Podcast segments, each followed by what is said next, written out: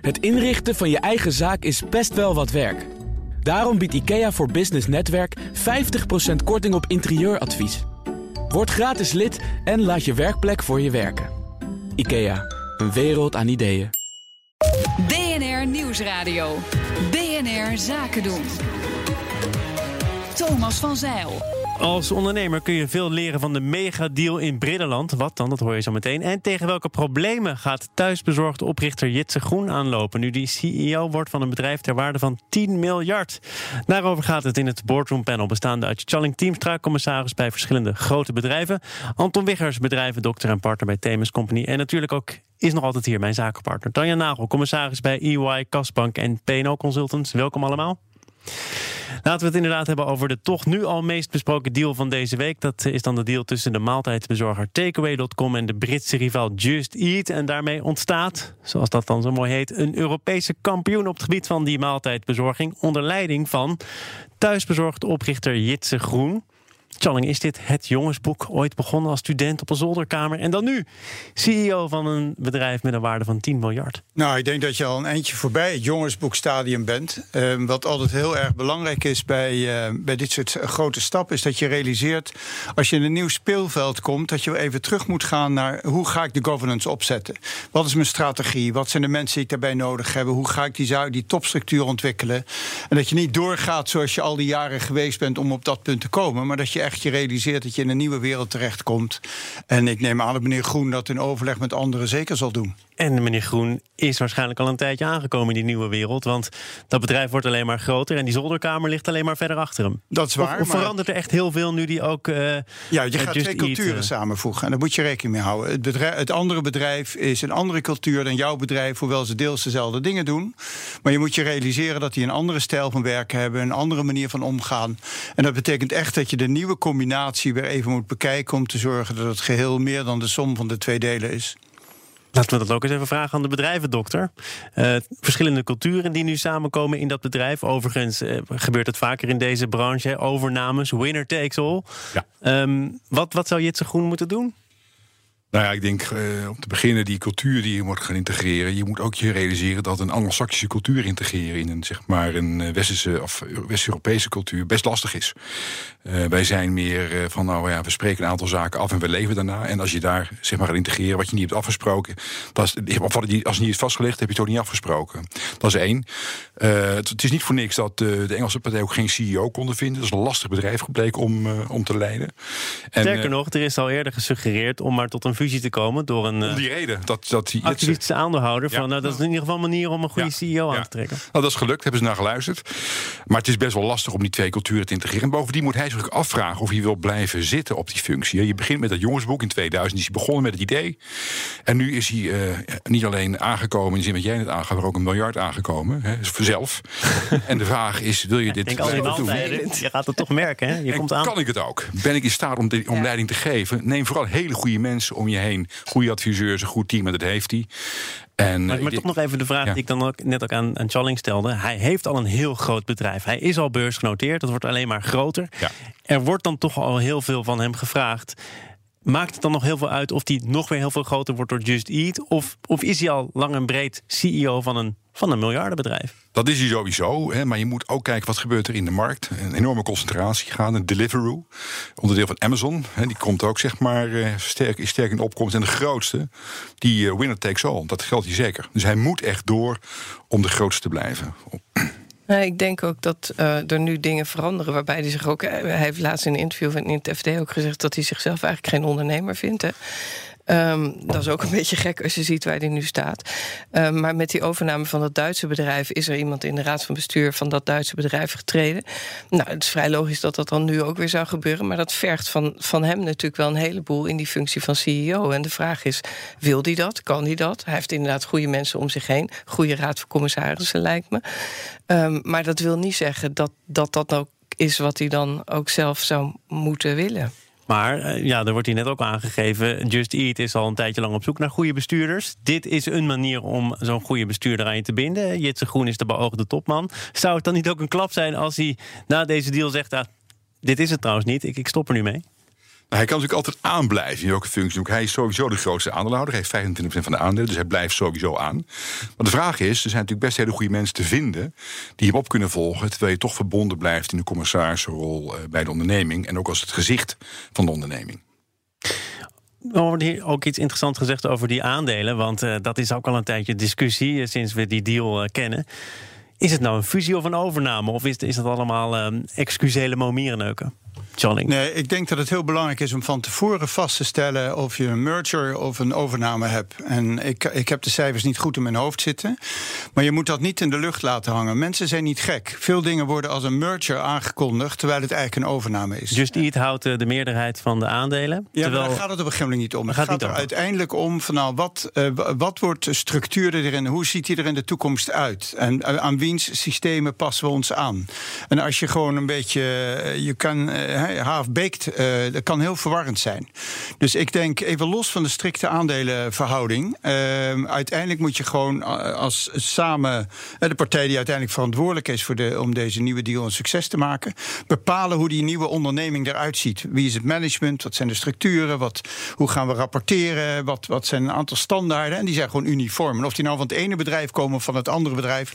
maakt er echt niet uit. Maar dan moet je nu al goed over nagedacht hebben. Sterker nog, dat moet je nu al hebben afgesproken. Nou, het thema post-acquisition strategy, zoals het in goed Nederlands heet, wordt vaak onder het, onder het kleed geschoffeld, omdat men zo verschrikkelijk graag tot een deal wil komen. Maar dat is het moment waarbij je eigenlijk van tevoren al moet zeggen. En zo gaan we het uitvoeren uh, zoals we er nu tegenaan kijken. Ja, dat is ook de reden waarom ik het werk ben gaan doen, eerlijk gezegd. Serieus. Nee, maar ik denk dat zeg maar de, de, de formele machtsverhouding in de aandelen is 52 procent. Uh, Just Eat. Bij Just Eat. Maar de macht ligt bij Jitsen, bij Takeaway omdat hij is de CEO. In de, in de board heb je ook, liggen de Nederlanders zeg maar ook boven. Dus in feite zal zeg maar, de Nederlandse partij de bovenliggende partij zijn. Fusies bestaan niet, het is altijd een overname. En is ook maar de vraag hoe zeg maar, de rest van de aandelen zeg maar, uh, zich zal gaan uh, verhand laten verhandelen de komende tijd. Maar ik denk op, qua macht is Jitsen wel de partij die, het, uh, die de grote broek en heeft ook al als groot aandeelhouder. Maar Wordt dan is die governance ook wel weer belangrijk. Is wat Challing natuurlijk ja. aan het begin zei. Dan moet je natuurlijk ook wel weten um, met welke afspraken je wat kan gaan doen. Ja, je moet je als CEO, uh, precies wat Tanja ook zegt, en, en Anton, je moet je nooit denken dat jij de macht hebt. Je hebt misschien doorslaggevende invloed, maar uiteindelijk uh, heeft hij geen enkele schijn van kans als je de rest van het bedrijf niet meekrijgt. Wat denken jullie? Ik weet niet of dat ook belangrijk is, maar blijft dit een Nederlands bedrijf of niet? Ik denk het niet. Want de beursnotering verschuift ook van Amsterdam naar Londen? Ja, ze, zitten, ze blijven in Nederland en in Engeland genoteerd. Hè? Uh, maar wat er gebeurt, ze gaan... Oh, ik dacht dat het echt naar Engeland ging. Wat ik vanmorgen las, dat oh, ze bij ja. de beurzen zeg maar een notering krijgen. Maar uh, waar het om gaat, de, de markt uh, internationaliseert steeds verder en meer. Dus ik verwacht niet dat het een sec Nederlands uh, bedrijf zal blijven. Nee. Ja, en de vraag is, wat is een Nederlands bedrijf? Is dat een bedrijf met zijn hoofdkantoor in Nederland? Hè? Ik bedoel, of zijn de markten heel ergens anders? Ja, nou, wat zou jij zeggen op die vraag? Want er, er is nogal eens gestreden over hoofdkantoren in Nederland. Ik denk dat uiteindelijk de cultuur van een bedrijf heel sterk ook top-down vanuit het hoofdkantoor wordt, wordt bepaald. Maar dat het je steeds minder kan praten van wat is een Nederlands bedrijf of geen Nederlands bedrijf. De meeste beursgenoteerde bedrijven in Nederland hebben meer dan 80% van hun aandelen worden gehouden in andere, andere landen. En de markten die ze bedienen, dat varieert per bedrijf, zijn ook by far het grootste deel in het buitenland. Als je dan kijkt naar de raden van bestuur en de raden van commissarissen, daar zitten misschien ook nog een paar Nederlanders in. En dan kun je zeggen, oké, het kantoor is in in, in, Nederland. Maar ja, dus wat is een Nederlands bedrijf? Dat is een, een issue voor een apart debate. En het, is een, nou, het is een open vraag die ik toch ook nog even aan Tanja wil stellen. Wat zou jij zeggen op die vraag? Nou, ik, ik weet niet of dat belangrijk is. Wat mij opviel als je kijkt naar de site, dat je eigenlijk niks terugvindt over een missie of een visie. En ik denk wel dat als je zo aan het overnemen bent geweest en zo divers eh, in de wereld je, je kantoren hebt zitten, dat belangrijk is dat, of het nou Engels of Nederlands of wat dan ook is, dat er een takeaway cultuur is um, die iedereen kan begrijpen in al die onderdelen van het bedrijf. Maar zou je dan zeggen, je moet op zoek naar je why, zoals dat modern heet? Of zou je gewoon zeggen, onze missie is zo snel mogelijk en zo goed mogelijk maaltijden bezorgen en that's it? Just eat. Nou, ja, goed, maar wat betekent dat dan? Daar moet je natuurlijk wel een vertaling aan geven. Wat verwacht je dan dat iedereen doet? Zou het uh, zo zijn dat de cultuur bij uh, Takeaway bijvoorbeeld heel anders is dan bij Deliveroo? Ja, ik heb het niet kunnen vinden, dus ik weet nee. het niet. Nee. Is dat belangrijk? Is, het is zeker belangrijk, maar dan moet je ook kijken naar hoe wordt de leiding gegeven, hoe worden mensen beloond, wat zit verder in die cultuur, zeg maar, in, het, in de core business, zal het echt heel erg om elkaar lijken, ben ik bang. Dus uh, daar, moet je niet, daar moet je niet zoeken. Nee. Meer in de vorm van hoe zijn we georganiseerd, hoe gaan we met onze mensen om, hoe worden promoties geregeld, hoe zit je met je opleiding, hoe krijg je Daar is natuurlijk heel veel over te doen, zeker in deze Ja. branche. Ja, Hoe ga je om Nou, je bezorgers? Als je het nou hebt over een tekort aan mensen, waar we het later ook nog Ja. over gaan hebben, dan denk ik wel dat het belangrijk is dat je helder hebt eh, waar je voor staat en wat mensen bij je kunnen vinden. Nieuwsradio. BNR Zaken doen. In BNR Zaken doen is het Boardroom Panel te gast. En dat bestaat uit Charling Teamstra, uit Anton Wiggers en uit Tanja Nagel, mijn zakenpartner. En we gaan het hebben over een andere grote deal van deze week, namelijk Grand Vision. Dat heeft een nieuwe eigenaar. De groot aandeelhouder, Hal, ook eigenaar van de FD Media Groep, verkoopt zijn belang aan Essilor Luxottica. En het bedrijf wordt nu op 7 miljard geschat. En Anton, jij hebt een eh, speciale band met dit bedrijf. Zo is het. Ik heb daar ooit gewerkt, ja. In de, in de periode dat ze groeiden van 51 winkels naar eh, 130 in twee jaar tijd... heb ik daar zeg maar vorm aan mogen geven hoe we dat gingen doen. En het gaat dan over bedrijven, want niet iedereen zal Grand Vision kennen, maar Dat was destijds iWish. iWish valt Dat was eronder. nog, ging het nog samen met Schoneweg hoortoestellen. Dus daarna gesplitst. daarna is het gegroeid en daarna is het aan de hal verkocht. En deze deal draait er eigenlijk om dat, en dat zie je in meerdere branches, het gaat om schaal. Je moet de grootste zijn, of in ieder geval een van de grootste, anders heeft het geen zin meer. Klopt dat?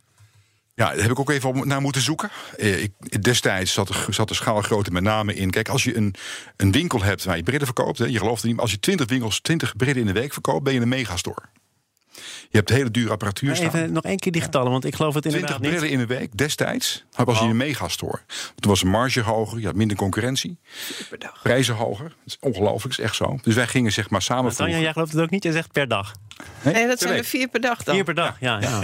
Oh nee, zes dagen Nee, over. wel eens in een brillenwinkel ook eens kijken. Nee. Nee, moet je maar eens kijken hoe druk het daar is. Dat is echt ongelooflijk. Vroeger was die marge enorm hoog. Tegenwoordig is het niet zo. Ze waren destijds ook heel bang voor spekcijfers. Dat die naar Nederland zouden komen vanuit Engeland. Dus die prijsdruk is enorm geworden. Dus dan moet je schaalgrootte gaan, gaan plegen op het gebied van inkoop, logistiek. Maar tegenwoordig zie ik meer, dat is allemaal al geregeld. Ik zie de, de, de, de, de, de, de schaalvoordelen met name in de big data. Je hebt je klantdata van, die, eh, van al die klanten, 150 miljoen in Europa, zeggen ze. En als je kijkt wat je daarmee kunt, als je kijkt naar vergrijzing, de core business wat destijds ook hoortoestellen waren, en de, de mogelijkheden die je daarmee zou kunnen creëren, dan begrijp ik in één keer die overname wel. Gaat het altijd om groter worden, om schaalvoordelen? Hè? We hebben het net gehad over takeaway en just eat, over hè, winner takes all. Je moet de grootste zijn. Kun je daar ook in verslikken?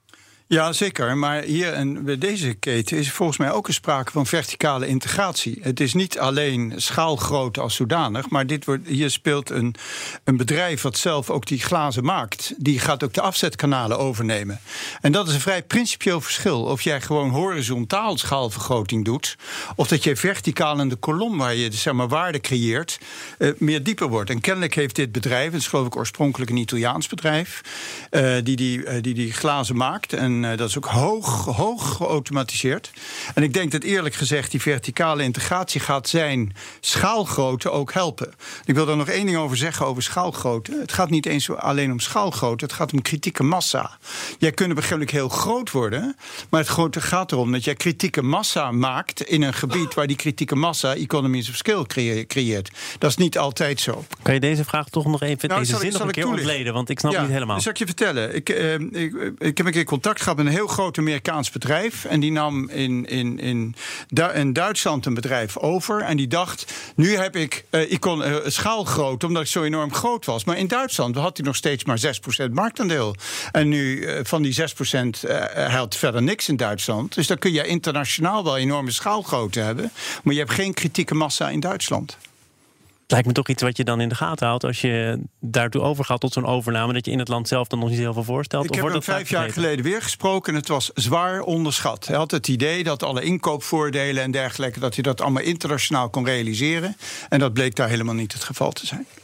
Als je kijkt wat Luxottica zelf aangeeft, waarom ze die deal hebben gedaan, dan zeggen ze dat zeg maar, de voordelen qua schaal zitten in de, de product eh, innovation, talent development en eh, de digital knowledge, toepassing daarvan, en de supply chain. Dat zijn Ja. de vier pijlers waarom ze deze overname hebben gedaan. Ja.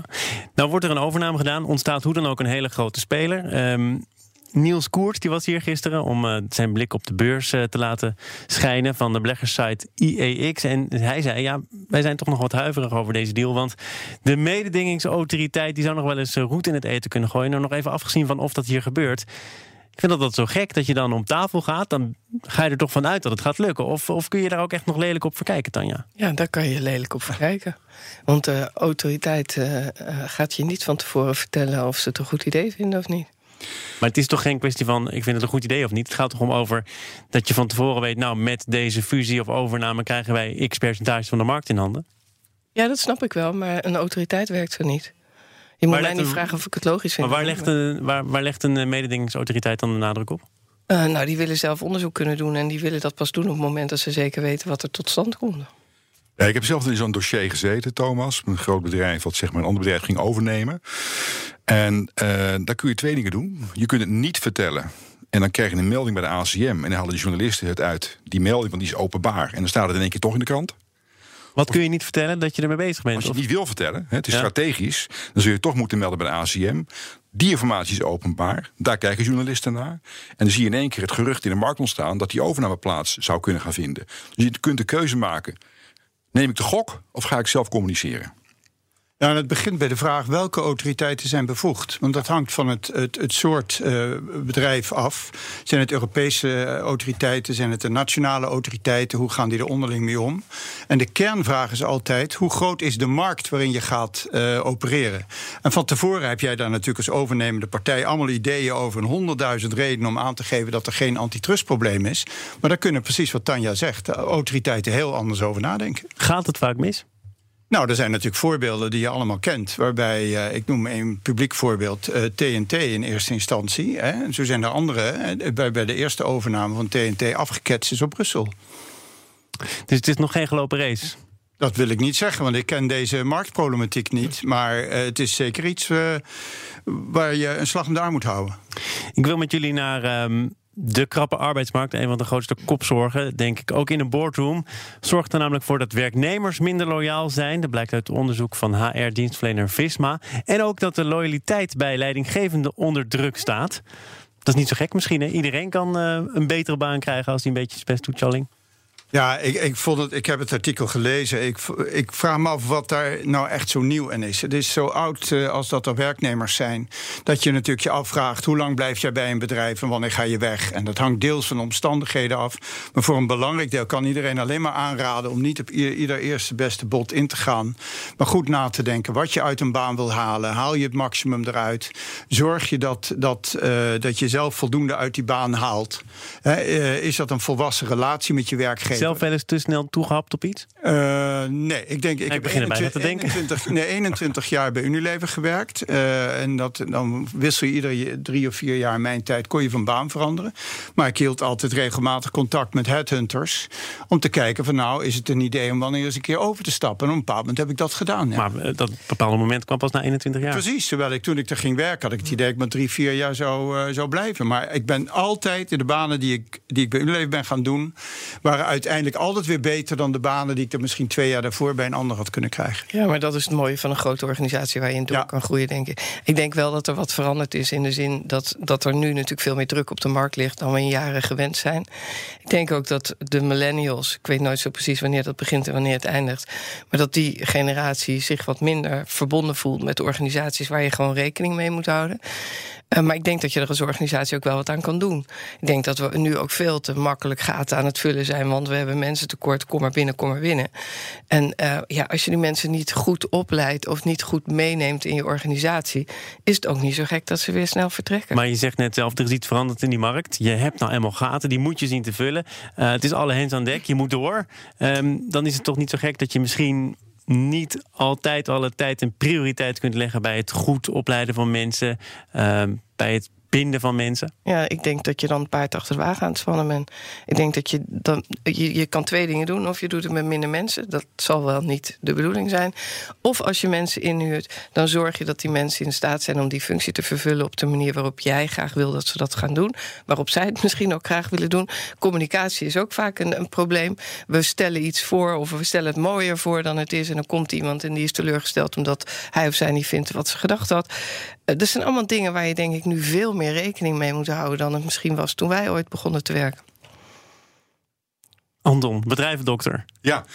ja, er zijn twee aspecten. Je moet zorgen dat je de achterdeur dicht houdt. Dat betekent dat je moet zorgen dat je je mensen houdt. Dus je moet ook investeren in die niet-loyale mensen... om te zorgen dat ze, toch, dat ze toch loyaal blijven of zich ontwikkelen. En volgens moet je zorgen dat je aantrekkelijk blijft voor nieuwe werknemers. En nieuwe werknemers, de nieuwe generaties... die vinden identiteit, eh, zingeving veel belangrijker... dan puur de carrière. En waarom kan ik er op de site van uh, je thuisbezorgd dan niks over vinden? Ik denk dat de meeste mensen die daar werken gewoon studeren nog. Daar helemaal niet mee bezig zijn. Dat is de reden die ik uh, kan verzinnen zo. Ja. Ja. ik denk overigens dat die wel belangrijk is, ook voor thuisbezorgden. Ja, nee, zeker. Ja. Of, of moet je gewoon accepteren dat er mensen zijn die niet zo loyaal zijn? Ik kwam laatst een model tegen aan de hand van een, uh, van een kar. En je hebt mensen die de kar trekken. Je hebt mensen die op die kar zitten. En je hebt mensen die erachteraan bungelen. Ja, bungelen of hem tegenhouden. Of hem tegenhouden. Nou ja, dat zal binnen ieder bedrijf zo zijn. Ja, dat is zo. Maar het is natuurlijk wel, als je het nou hebt over managers die minder loyaal zijn, is misschien nog wel een groter risico. Want die manager zou ervoor moeten zorgen dat er zoveel mogelijk mensen op of voor die kar zijn. In plaats van dat ze erachteraan hangen. En dat heeft toch heel vaak te maken met aandacht. En wat Anton zegt, zorgen dat mensen zich kunnen ontwikkelen, zich gezien voelen. Waardoor ze in elk geval langer blijven. En ik denk dat we ook uh, in een omgeving zitten waarin het niet meer normaal is dat mensen. Ik heb ook 21 jaar bij uh, Van Landschot gezeten. Ik denk niet dat mensen meer zo lang bij een werkgever zitten. En dat wij dat, als we dat nu opnieuw zouden moeten doen, ook niet meer Vind zouden je het zelf doen. heel lang klinken, 21 jaar lang? Ja, vind ik heel lang klinken, ja. en waarom zeg je nu, dat zou ik niet meer doen? Ja. ja, als je het daar 21 jaar naar je zin gehad hebt. Ja, niet als ik nu terug ga uh, naar toen. Maar wel als ik nu vooruit zou kijken. Is het niet logisch dat mensen 21 jaar bij een werkgever. Maar toen je begon, had je gedacht, nou, misschien zit ik hier wel 20 jaar. Of denk je dat nee, nooit? Dat is precies, nee, dat is precies wat Challing zegt. Dat denk je volgens mij nooit nee. als je ergens begint. Maar als het bedrijf goed bij je past. en jij goed bij het bedrijf past. Dan, en je krijgt mooie uitdagingen. dan is het veel logischer om langer te blijven. Ik ben gewoon jaren ook, van een, sorry. Den Haag naar Den Bosch heen en weer gereden. omdat ik het zo leuk vond. Ben je toch gek? Hetzelfde als wat Tanja zegt. Het is iedere keer een bewuste keuze. En daarom, ik, ik heb moeite met het woord loyalty. Je, ik denk niet dat je bij een bedrijf blijft omdat je loyaal bent. Nee, je blijft bij een bedrijf omdat het een volwassen relatie is van geven en nemen. Want denk ook niet dat het bedrijf loyaal is naar jou. Je mag een bedrijf nooit verwijten dat wanneer jij op een gegeven moment niet meer, niet meer voldoet aan de eisen, dat ze je ontslaan. En dat je, als je dan zou zeggen: jij bent niet loyaal naar mij, dan ben ik ook niet loyaal naar jou. Ik vind loyaal hier niet het juiste woord. Het moet gemotiveerd zijn. Waarom mag je een bedrijf niet verwijten dat het niet loyaal naar jou is? Nou, je mag niet verwijten van een bedrijf is een commerciële instelling. Die moet zijn best doen om zijn mensen employable te maken, zowel binnen het bedrijf als potentieel buiten het bedrijf. En als op een bepaald moment het bedrijf en de werknemer niet meer bij elkaar passen, dan is het voor beide partijen beter om afscheid te nemen. Ik zal even zeggen, ik zit hier nu in mijn tiende jaar bij BNR. Jeetje. Ja, ik ben hard op weg naar de 21. En bij 22 nodig ik jullie allemaal weer uit. Maar uh, ja, ik heb wel het idee dat. Ik hou een beetje van BNR. Ja, ik herken dat ook wel hoor. Ja, maar dat voegt toe aan je motivatie. Maar Alleen Thomas, ik... kijk eens hoe je jezelf hebt ontwikkeld de afgelopen jaren. Ja, dat is niet te stuiten. Nee, maar dat is echt zo. Goed, dank voor jullie komst. Charling Teamstra, commissaris bij verschillende grote bedrijven. Anton Wiggers, bedrijvendokterpartner bij Themis Company. En mijn zakenpartner was Tanja Nagel, commissaris bij EY, Kastbank en P&O Consultants. Tot de volgende keer. Zeg ik ook tegen jullie. Een kleine update maakt een wereld van verschil. Daarom biedt IKEA voor Business Netwerk gratis snelle interieurtips en ideeën. Word gratis lid en laat je werkplek voor je werken. IKEA, een wereld aan ideeën.